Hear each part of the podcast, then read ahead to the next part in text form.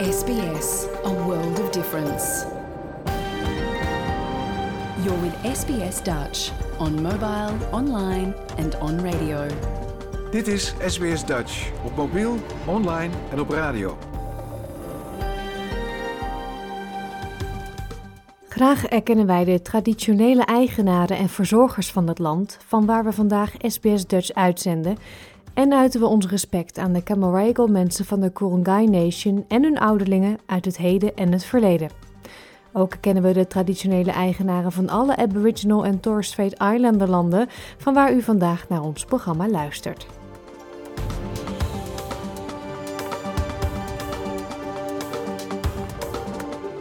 Goedemorgen, mijn naam is Paulien Roesink. Het is vandaag zaterdag 8 juli 2023 en u luistert naar SBS Dutch, het Nederlandstalige radioprogramma van SBS. Wat staat er het komende uur allemaal op het programma? Nou, we bellen met Piet Leeflang, of sinds kort Ridder Piet Leeflang. Een kleine twee weken geleden werd hij bij de Nederlandse club Neerlandia in Perth compleet verrast met een ridderorde. In de nieuwe miniles Nederlands bespreekt leraar Nederlands Joyce Diebels de lastige rollende R. Caroline Gates is podcastlead bij SBS en met haar praten we vandaag over de SBS Podcast Pitch.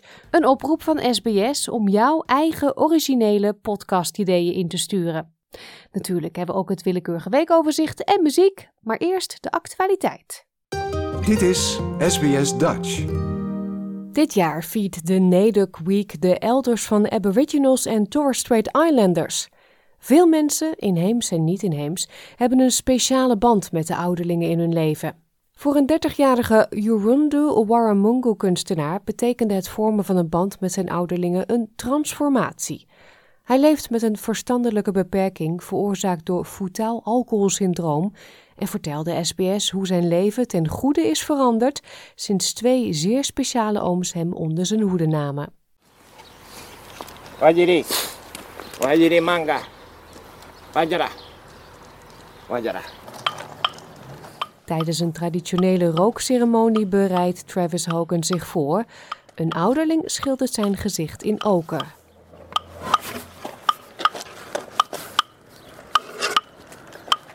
Hij pakt een bakje met smeulend wilde rozemarijn, loopt voorzichtig de kring rond en biedt de aanwezigen de rook aan. What it does is it brings us good spirits and it drags all the s- bad spirits away. You get a better night's sleep and you wake up in the morning and you feel alright. Travis Hogan werd geboren met het futaal alcoholsyndroom door blootstelling aan alcohol tijdens de zwangerschap. De aandoening beschadigde de frontale kwabben van zijn hersenen, wat focussen en het verwerken van informatie en het reguleren van zijn emoties een uitdaging maakt. Een paar jaar geleden maakte hij een moeilijke tijd door. Zijn moeder Sue McCumsky, die voor Travis heeft gezorgd sinds hij 12 maanden oud was, legt uit.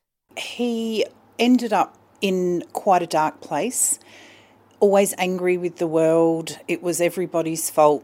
He never did anything wrong. It was actually everybody else. Um, so not a lot of self reflection. Um, would abscond a lot, just trying to run away from how he was feeling, um, and then realise that you can't actually do that. It will stay with you. Um, just and a lot of disrespect to a lot of people as well. Would just be angry Zijn leven is veranderd sinds hij in contact kwam met twee belangrijke ouderlingen. Corna en Narunga-oudste oom Jeffrey Newchurch nodigde hem uit in de Corna-gemeenschap om te helpen met speciale ceremonies, waaronder een herbegrafenis. On that day, you felt the the immediate uh, presence and importance that brought into his life because I think uh, there was something missing, you know, and it was that culture. But uh, immediately you notice, you know, like I said, he was like a little little kid seeing Santa Claus, you know, to, to you know actually not be invited, but you know to be to, to be gifted that opportunity Zijn andere mentor, Yundamura, een Yeman Bundjalungman, runt een agribusiness en onderwijscentrum van de First Nation, Red Center Enterprises. You can be out on um, country doing revegetation, Um, he can be working with bush tucker or bush medicines. Um, he's also got the flexibility to do cultural things, learn about his art, and do that sort of stuff. Um, it's allowed him to find where he wanted to walk on that journey.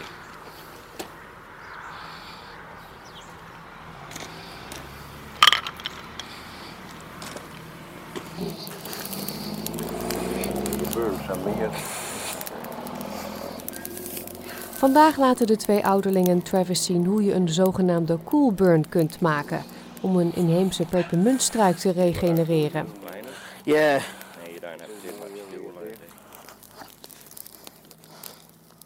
They teach me everything, like plants to uh, animals, like like even out going that bush. Travis werkt nu fulltime bij Red Center Enterprises met de steun van NDIS-medewerker Andrea Shevlin. Het was mevrouw Shevlin die Travis voor het eerst in contact bracht met Jundamura en ze merkte onmiddellijk verschil. That smile came back and it had been gone for quite a while. So to see that um, and, and just watch someone start to flourish, um, to grow, to learn, and start achieving, and actually be thinking about their future and what it is that they might like to do, um, and really importantly, having that cultural connection. That was something really um, important for him. Probably in the beginning, he didn't realise how important, but he does now. And he longs for that, so it, it's good.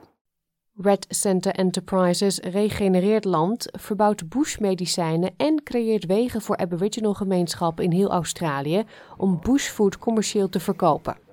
Hier verbouwen ze het commerciële gewas inheemse basilicum. Why do the bluebees love these things? It must be the purple and the sweetness in them. Look at the little flower on there, how cute that is. It's This so one here? intricate.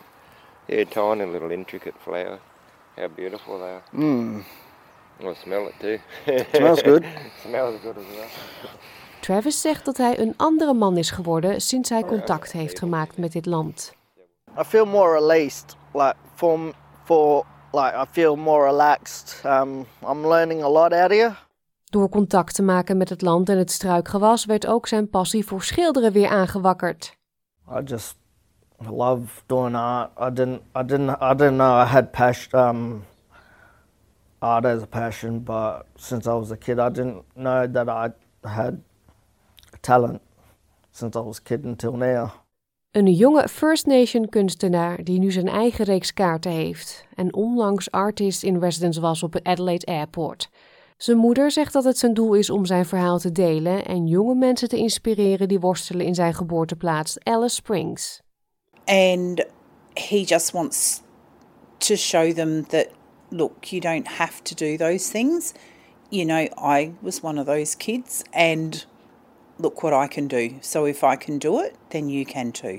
Jan de Mora zegt dat het geweldig was om hem te zien groeien. What's inspired me is now he wants to go back and inspire uh, younger um, uh, children, younger generations that are um, not walking what we call a good path, uh, getting into a bit of mischief, or um, encouraging them to find a purpose. Um, it was funny because he found art as a purpose, as a way to connect his stories and his culture, um, the country that we walk on. And I think in his own ways, he's trying to explain that to the next generation um, that there's opportunity there and we have to um, be brave enough to walk forward. Um, for a young fellow with a lot of challenges, it's impressed me to see him stand tall in his culture and um, take on opportunities that we could have only ever dreamed about when we were growing up um, and take them on and actually shine um, and, put a position there um, for the rest of our communities to be a part of, which is really wonderful. Dit verhaal werd gemaakt door Pita Doherty voor SBS Nieuws en door SBS Dutch vertaald in het Nederlands. Het was een volslagen verrassing voor de 87-jarige Piet Leeflang toen hij zondag 25 juni op het podium geroepen werd bij de Nederlandse Club Nelandia in Perth. Hem was wel verteld dat enkele vrijwilligers in het zonnetje gezet zouden worden, maar dat hij uit handen van de ambassadeur een ridderorde opgespeeld zou krijgen, had hij niet zien aankomen. We spraken Piet eerder deze week over deze eervolle gebeurtenis, zijn migratieverhaal en werken en wonen in Perth Zoo. Jouw gemeenschap, jouw gesprek, SBS Dutch. Ja, meneer Piet Leeflang, hoe groot was de verrassing eh, van de week toen u daar uh, de ambassadeur zag? Nou, het was een geweldige verrassing. De Nederlandia, de Hollandse club, die hadden uh, een lunch, een, een dinner georganiseerd uh, voor de vrijwilligers die altijd de club geholpen hebben. En daar was ik natuurlijk ook bij. En uh, een paar mensen zouden ze eren. En ik had, ik, ik, had geen flauw idee wat er nou precies ging gebeuren, want ze hadden alles geheim gehouden voor mij. Het is wel een paar jaar in beweging geweest, maar, maar toen kwam de ambassador binnen en de Dutch honorary consul van, van West-Australië kwam binnen. Ik denk, wat gaat er nou in godsnaam gebeuren? En, Nog steeds niet meteen denken, oh, dat is voor mij natuurlijk. Ja, ja toen dacht ik, nou, er is iets gaande, maar ik wist, had geen flauw idee. En toen uh, werd ik naar voren geroepen natuurlijk, en de consul begon wel, uh, zus en zo, je bent officieel uh, benoemd tot ridder in de orde van Nassau. Ik denk, nou, nou, ik was zo verbaasd. Nou, geëerd ook natuurlijk, want dat is iets, niet iets wat zo erg gebeurde. Nee. ik kreeg toen de, de medaille van haar. En toen uh, moest uh, Joke, mijn vrouw, moest ook naar voren komen. Ze zeggen, achter iedere goede man is een goede vrouw. Dus die kreeg ook nog een, um, een, een, pakket met een mooie Delftsblauwe schaal erin. En ook een hamper van uh, allemaal producten van West-Australië. En Nederlandse producten natuurlijk. Zo, dat was de tweede verrassing. Ja, dus ik spreek nu met Ridder Piet. nou, zeg maar gewoon Piet hoor. ik vind Ridder Piet toch wel heel leuk klinken. ja. ja. Uh, wat betekent dit voor u? Wel, ik, uh, ik voel mij ontzettend geëerd en, en humble. Ik denk, nou waarom niet? Wat heb ik zo godsnaam gedaan wat anderen niet gedaan hebben? Maar toen is het hele lijstje uh, opblazen wat ik allemaal voor de Nederlandse club gedaan heb en zo en zo. Denk ik, nou ja, er zijn er niet zoveel die dat, want ik ben uh, een van de oprichters van de Nederlandse club hier. Die was in uh, 1968 zijn we ermee begonnen. Om al de, al de clubs hier bij elkaar te krijgen. Om een ja, want dat was allemaal een beetje versnipperd, hè? Er waren meerdere clubs. Ja, er waren een stuk of twaalf clubs, vooral er waren drie koren en, en alles. En toen hebben we met de Hollandse consul, hebben, die heeft iedereen bij elkaar geroepen. En toen uh, gingen ze praten om een Hollandse club te vormen. De, de, de, de Nederlandse club die bestond eigenlijk al, het was de Klaverjasclub. Uh, en ik was de secretaris van de Klaverjasclub, we hadden ongeveer 150 leden. Ja, dat is nogal wat. Ik had ook die club incorporate, incorporate gemaakt, want ze, waren, ze dachten dat ze het nooit voor elkaar zouden krijgen. Maar het is toch gelukt om uh, de meerderheid, behalve de voetbalclub, daar ging er niet mee akkoord. En, maar de rest van de clubs zijn bij elkaar gekomen. En binnen tien jaar hadden we een clubhuis gekocht en helemaal afbetaald. Wauw, dat kan je nu niet meer voorstellen. Nee, zo, daar was natuurlijk bij geweest. Ik was in de steering committee secretaris en toen in het bestuur ook. En ik ben in het bestuur gebleven tot al de schulden betaald waren. En toen zeg ik, ik ga er tijdje er vandoor. Want ik heb twee kinderen nu en ik ben een huis aan het bouwen. En ik, ga, ik studeer s'avonds en ik voetbal, ik moest trainen. Ik had gewoon geen tijd meer. Nee, het leven zat even in de weg. ja, en toen ben ik later, toen ik een paar jaar voor mijn pensioen, ging, uh, ben ik weer teruggegaan in de club. En toen als vice-president en nu werd ik president. En um, dat heb ik 15 jaar gedaan eigenlijk, in het bestuur gezeten. En toen zeg ik, nou genoeg is genoeg.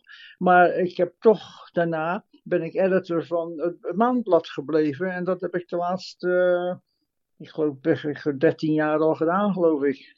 Ja, dus die club die laat u niet los. Dat, dat blijft. Ja, ja, ja, dat is wel zo. Want ik ben ook iemand die uh, niet s'avonds naar tv gaat kijken. Ik wil altijd wat te doen hebben. En uh, ja, als ik eenmaal wat doe, dan doe ik het goed. Ja, en wanneer bent u eigenlijk naar Australië gekomen? Want dat Nederlands van u is echt nog uh, geweldig. Oké, okay, ik ben in 1954 met mijn ouders en een jongere broer die op in Sydney woont, hier naartoe gekomen. En, uh, Als een klein Pietertje. Nou, ik was 18 al hoor. Oh. Ik ben zo jong niet meer, ik ben 87. Oh, nee toch? Dat is niet te horen. maar ik ben nog steeds heel goed. Gezondheid is goed, ik sport, ik doe van alles en nog wat. Ik ben nog uh, goed ter been, ja. En, en, waarom wilden uw ouders naar Australië toe? Oh, het, was die, het was net uh, na de oorlog, in 54. En mijn vader die had een broer en die was al in Perth. Die was al geëmigreerd en die stuurde brieven terug en foto's van, van Perth. En um, dat zagen ze. En toen ineens zei mijn vader, ja, wat doen we hier eigenlijk? Ik ga mijn broer opzoeken. En uh, nou, ik, was ervan verbaasd natuurlijk. Want uh, ik denk, nou, dat Perth ziet er mooi uit. En dat, als een 18-jarige jongen wil hij wel een avontuurtje meeleven. Dus dat vond u helemaal niet erg toen u Want dat lijkt me best een lastige leeftijd, 18. Ja, het was een lastige leeftijd. Want je hebt al je vrienden en, en je voetbalclub. En uh, wat het was, is, is, het was het ergste eigenlijk, was te, te, studeren. In Nederland was ik nog studeren. Ik ging naar de avondschool toe in Rotterdam, Erasmus. En ik was aan het leren om technisch ja, het was in de techniek eigenlijk. Ik moest na s'avonds naar school toe, maar ik moest ook twee jaar in de praktijk werken. En dat was allemaal natuurlijk opgegeven. En toen ik hier kwam, uh, dan moest je natuurlijk gelijk werken. En uh, wij arriveerden op, de, uh, op vrijdag geloof ik. En maandag gingen we gelijk naar de, naar de arbeidsdienst om, om een baantje te vinden. Mijn vader werkte in de haven in Rotterdam. En die kreeg een baantje in de diergaarden als gewoon uh, laborer. Weet je wel, gewoon werken. Hm. En ik zelf ben toen, omdat ik kon lassen, ik ben als een lasser gaan werken. En na twee jaar kreeg ik ook een baan in de zoo. Ik was eventjes zonder werk. En ik kreeg een baan in de zoo en ik zou eerst werken in de maintenance division. En dan zou ik dan uh, al het uh, metaalwerk en zo gaan doen. Maar toen zei de hoofd van de diergaarde: We hebben net iemand ontslagen die een paar kratjes met Coca-Cola ge, gestolen had. Uh, wil je met beesten gaan werken? Dat heb ik toen gedaan. En dat heeft u ook uw hele leven gedaan? Toen ik eenmaal een paar jaar werkte als een oppasser, werd er gevraagd of ik naar avondschool gaan, zou gaan, een paar diploma's te halen, dus en zo. Want apparently, ze zagen wel wat in, me. En toen ben ik in 1969 werd ik. De overseer ging met pensioen. Ik kreeg de baan, nam ik over van hem. Betekent ook dat je de diergaarde moest wonen in een huis. En eh, de, de, volgende 30 jaar heb ik in de diergaarde gewoond. En ik was overseer, superintendent, manager. Ik ben van alles en nog wat geweest, maar toch altijd uh, bij de top. Ja. Ik had altijd alleen de directeur boven me. Dus dat ging eigenlijk heel goed. Dus als zeg maar knaap van in de twintig ook nooit gedacht, nou, uh, ik heb het hier gezien, ik ga terug naar Nederland.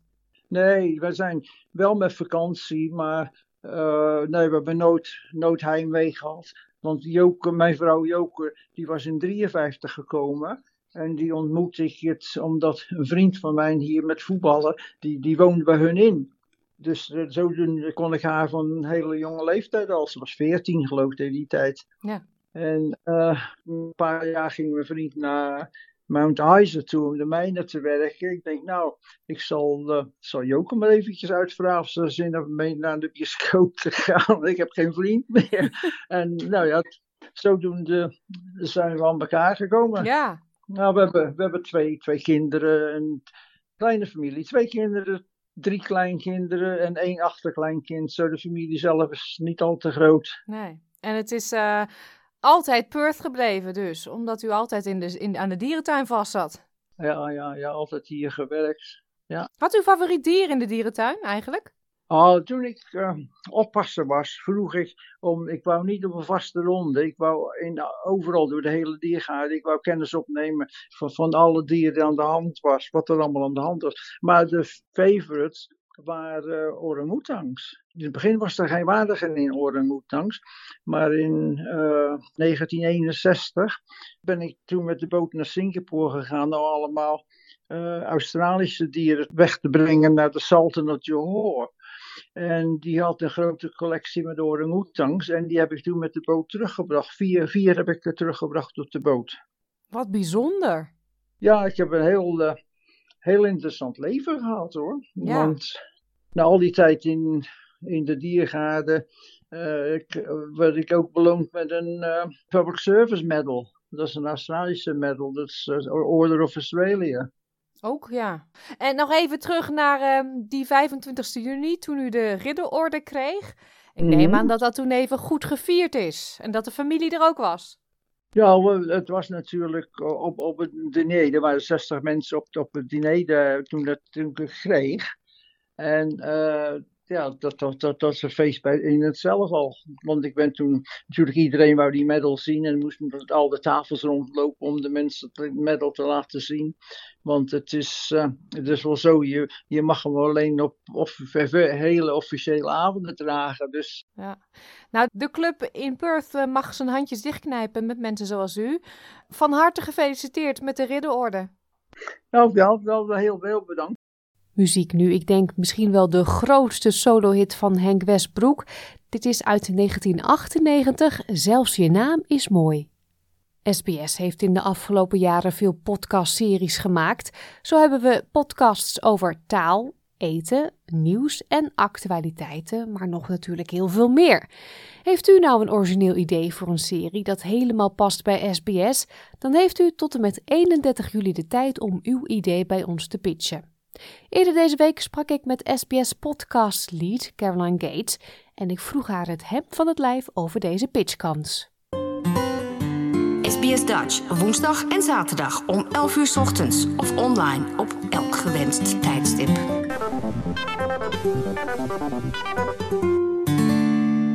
Caroline, you are our podcast guru at SBS. Uh, podcasts are very popular nowadays. How many people do listen to SBS podcasts? There are big audiences for podcasts. So Australia actually leads the US now, the latest stats we saw in terms of podcast listen- listenership. Um, our SBS podcasts get listened to globally by around 4 million downloads each month, which is huge. Wow, yeah. indeed. And we produce podcasts in more than 60 languages on a whole lot of different topics. So there's a lot of people coming to us wanting to learn something, be entertained, um, hear the day's news, a whole lot of different reasons why people listen. Yeah. What do you personally like the most about podcasts?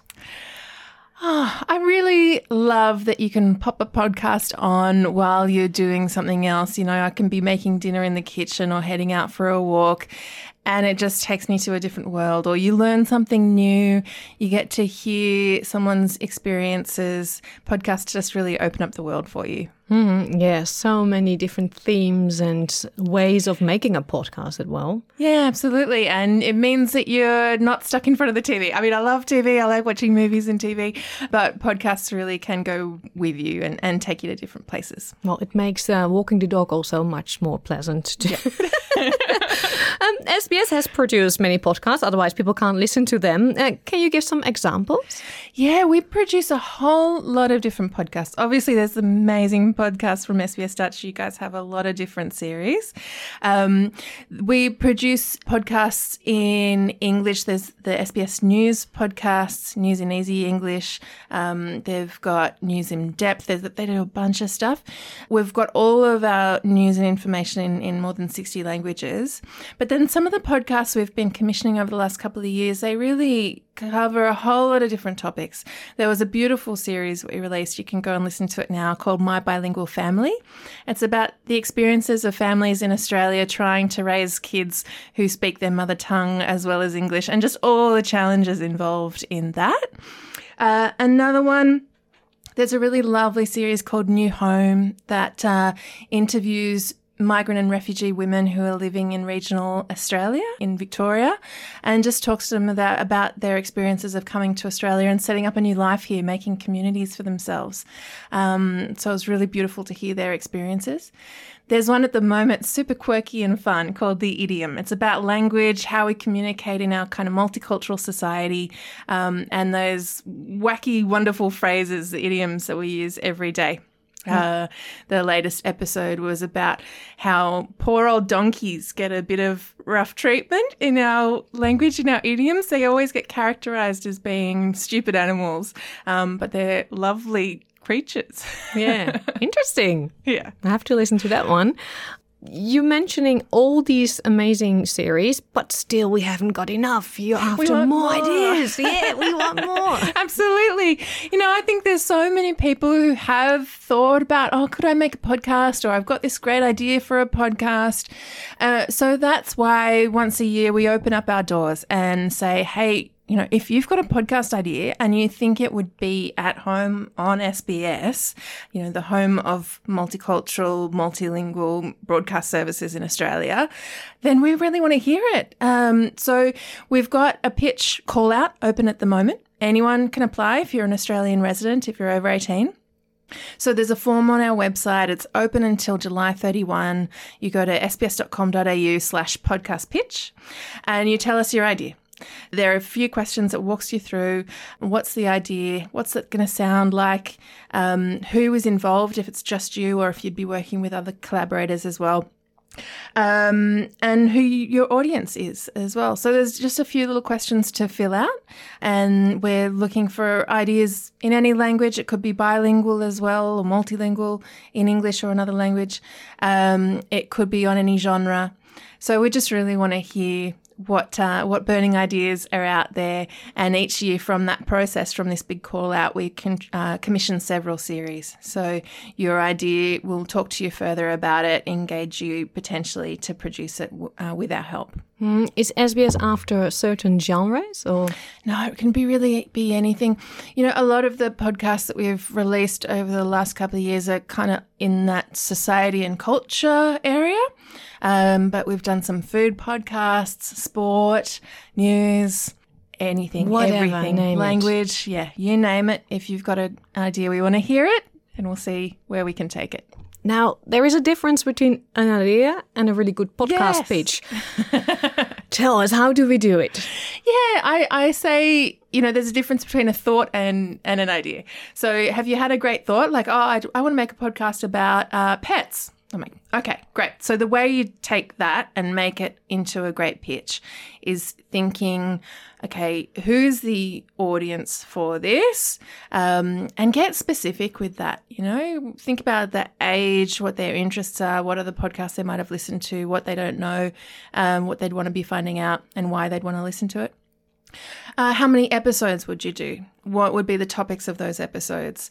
Maybe if you're going to, you know, what your format is. So if, if, if it's an interview podcast, if you're going to talk to different pet experts, this is my terrible idea, you know, uh, then uh, you don't necessarily need to say, here are exactly the people we're going to talk to, but these are the kinds of people that we're going to talk to. And it's going to go for around 20 minutes an episode. And it might take me about two months to produce it all. So that's the way that you start taking an idea and fleshing it out into a pitch. Mm, and um, you will make a selection. I mean, not you personally, but SBS will make a selection. I reckon. that'd be nice if I get to make all the decisions? No, that's not how we work. Um, yeah, so we have a range of criteria. We're looking for how well does this serve the SBS Charter?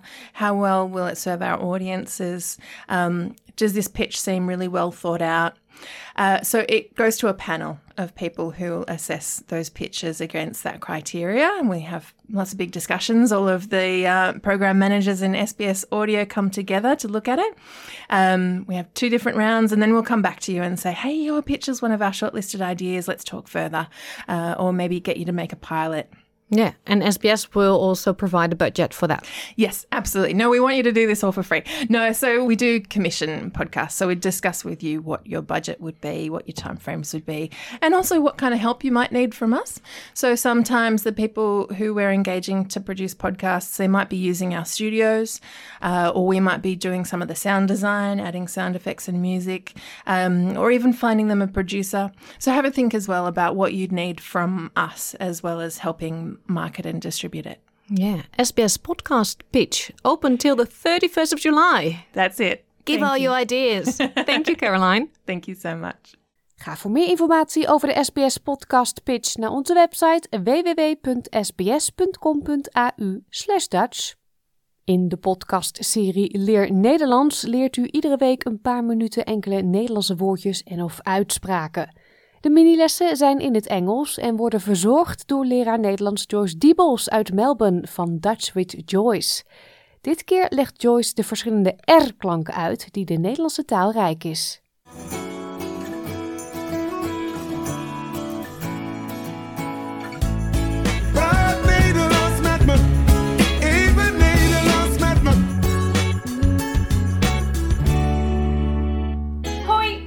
Joyce, and today we have another Dutch mini lesson. And today is a really fun one because we're using our voice quite a bit. And I said really because really starts with the R, and the R in Dutch can be a bit tricky. The way I explain it is that the Dutch R is a little bit in the middle between the English R and a Spanish R. And just like Spanish, if you know anything about that language, is that the Dutch R needs to be learned. So, kids can sometimes even struggle with the R, just like Spanish kids often don't know how to say that beautiful Spanish rolling R. On top of that, the Dutch R can be used different depending on where you were born. So in the West, Amsterdam, Rotterdam, they all love their rolling R's, whereas in the South and in the East, the R is a bit softer. So to demonstrate that, I will show you three different ways to say the Dutch R. One is the way we say in Amsterdam, one is the way that I say it in the East, and one is the Flemish way. So, in that order, I will demonstrate and you can listen to the different sounds. So, here we go Amsterdam, regen. My way, the East, regen. And in Flemish, regen. So as you hear, the R sounds quite different. And in the West is where we have the really rolling R. So don't feel overwhelmed or like freeze when the R doesn't go quite well just yet. But to practice, it is good to get that rolling R a little bit going in your speech because the English R in Dutch words sound a bit funny. So, to practice the rolling R, it's kind of like getting yourself ready for a little singing or a little gurgling is going on as well. So, it's really using your throat and using the R the Dutch R is in your throat rather than your tongue up the front, as you can hear in the Spanish R. But if you can do that one, that's fine too. R R sounds a bit like a R, as if you're starting an engine or something, and you're trying to be a little kid and make an engine sound. That's one way of doing it. Really using the R and R, you block your throat a little bit, and your tongue is right in the back so you put your tongue a bit backwards, you tighten your throat a little bit, and then kind of make a engine sound as if you're a little kid trying to make an engine sound. The other one is like, you know, if you use mouthwash and you have it a little bit in your mouth and you're trying to gurgle a little bit, and you can try do that with actual mouthwash. Make a little bit of that gurgling sound. You also notice how you put your tongue back and say a bit like. Mm, so it sounds like with your mouth closed. So try that with your mouth closed. Try it with the mouthwash. Try it without. Then try and open your mouth and see what sounds come out of your mouth as well. As soon as it sounds a bit like a you can try making words with that. You also notice that if we start Dutch words with an R, like regen, radio, rennen. Those are all words where we hear that R a bit more rather than an R in the middle or at the end of a word. Those are usually a bit softer as well. Another tip is listen to your friends, family, the news, and how those R's sound. Um, in that way, you can hear how other people say it and model it that way. And I am sure that by enough practice and focus on your gurgling R sound, the R sound will be sooner than later part of your Dutch vocabulary. Do you have an interesting R word that you often say, Pauline? Well, I'm on the radio, so radio is something I say a lot. Yes, I can imagine. A radio. Yes. So radio is a really good one, and I encourage you listeners, luisteraars, to say a couple of R words. So maybe we can repeat a couple of them. Programma. Programma. Mhm. Luisteraar. That's a good one because you hear the r and the r at the end. Yes. Luisteraar. We have radio. Regenboog. Ooh, regenboog or regelaar is another one. And we've got renner. Renner. So you, as you can hear, the R at the end sounds a bit more like a, a muffled R as we know in English. So that should be quite easy. It's just the beginning of the R that can be a bit tricky. So that is it for today. Happy practicing and we'll see you next time. Doei!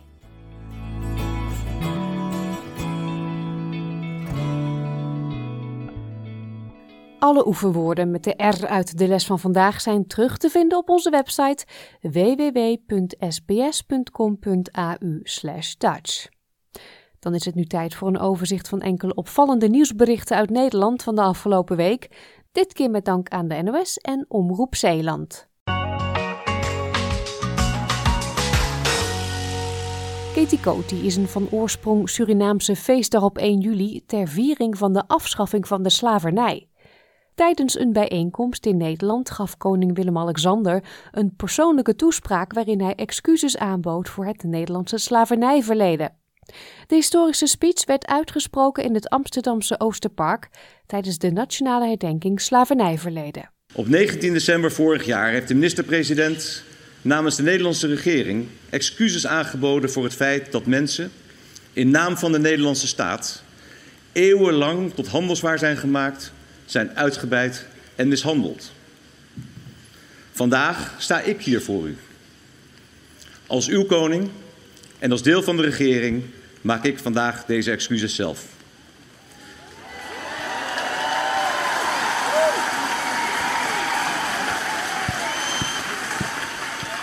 Ze worden, mij, ze worden door mij met hart en ziel intens beleefd. Denketi koti brada sisa. De ketenen zijn verbroken, broeder, zuster. Ten. Tijden zijn veranderd. Ten ketikoti futru. De ketenen zijn verbroken. Echt waar. In Suriname en op Curaçao wordt overwegend positief gereageerd op de excuses van de koning, maar er is ook kritiek. Zo noemt iemand de excuses vooral bevrijdend voor Nederland.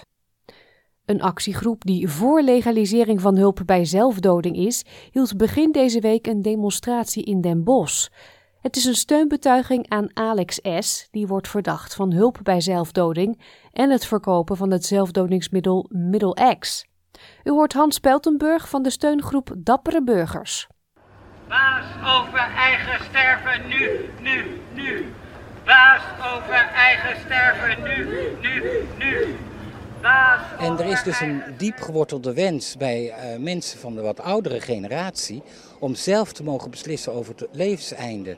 Onze generatie heeft abortus gerealiseerd, heeft euthanasie gerealiseerd.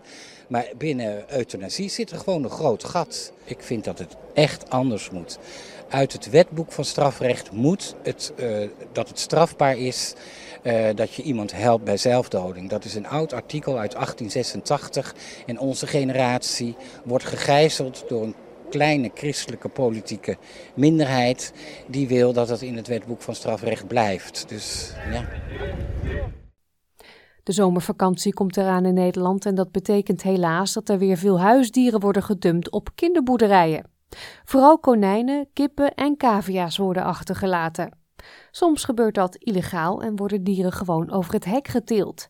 Volgens David Brandhoff van een kinderboerderij in Leiden is dit een kwalijke zaak. Ja, soms worden ze s'nachts over het hek heen gezet of, uh, of in dozen ergens uh, gedumpt.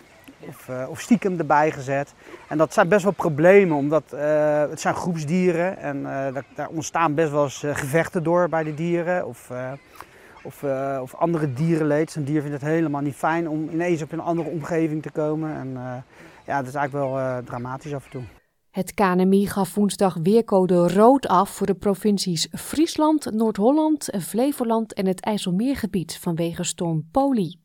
Leerlingen van de Juliana-school in Lieren bij Apeldoorn hadden wel heel erg veel geluk, want net na hun pauze trok er een windhoos over, waardoor een boom omviel en midden op het schoolplein terecht kwam.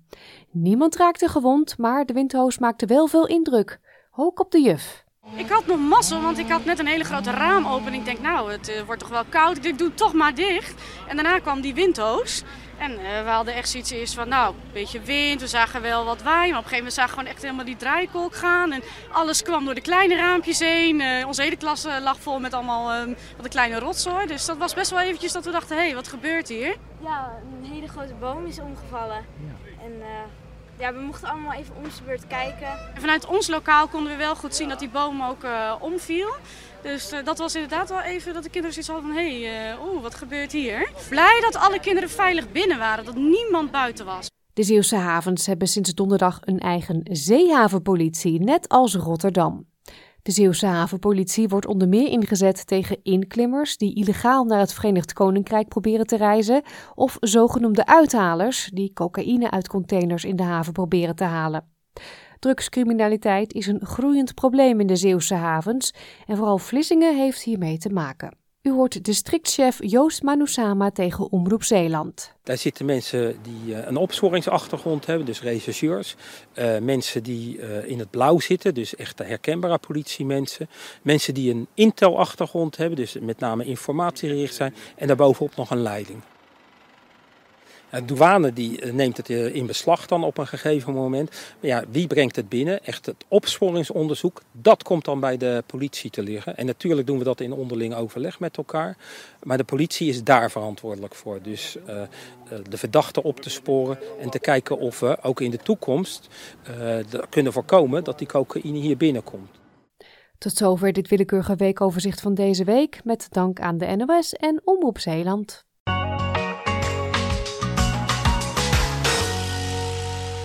We komen hiermee aan het einde van deze zaterdag-uitzending van SBS Dutch.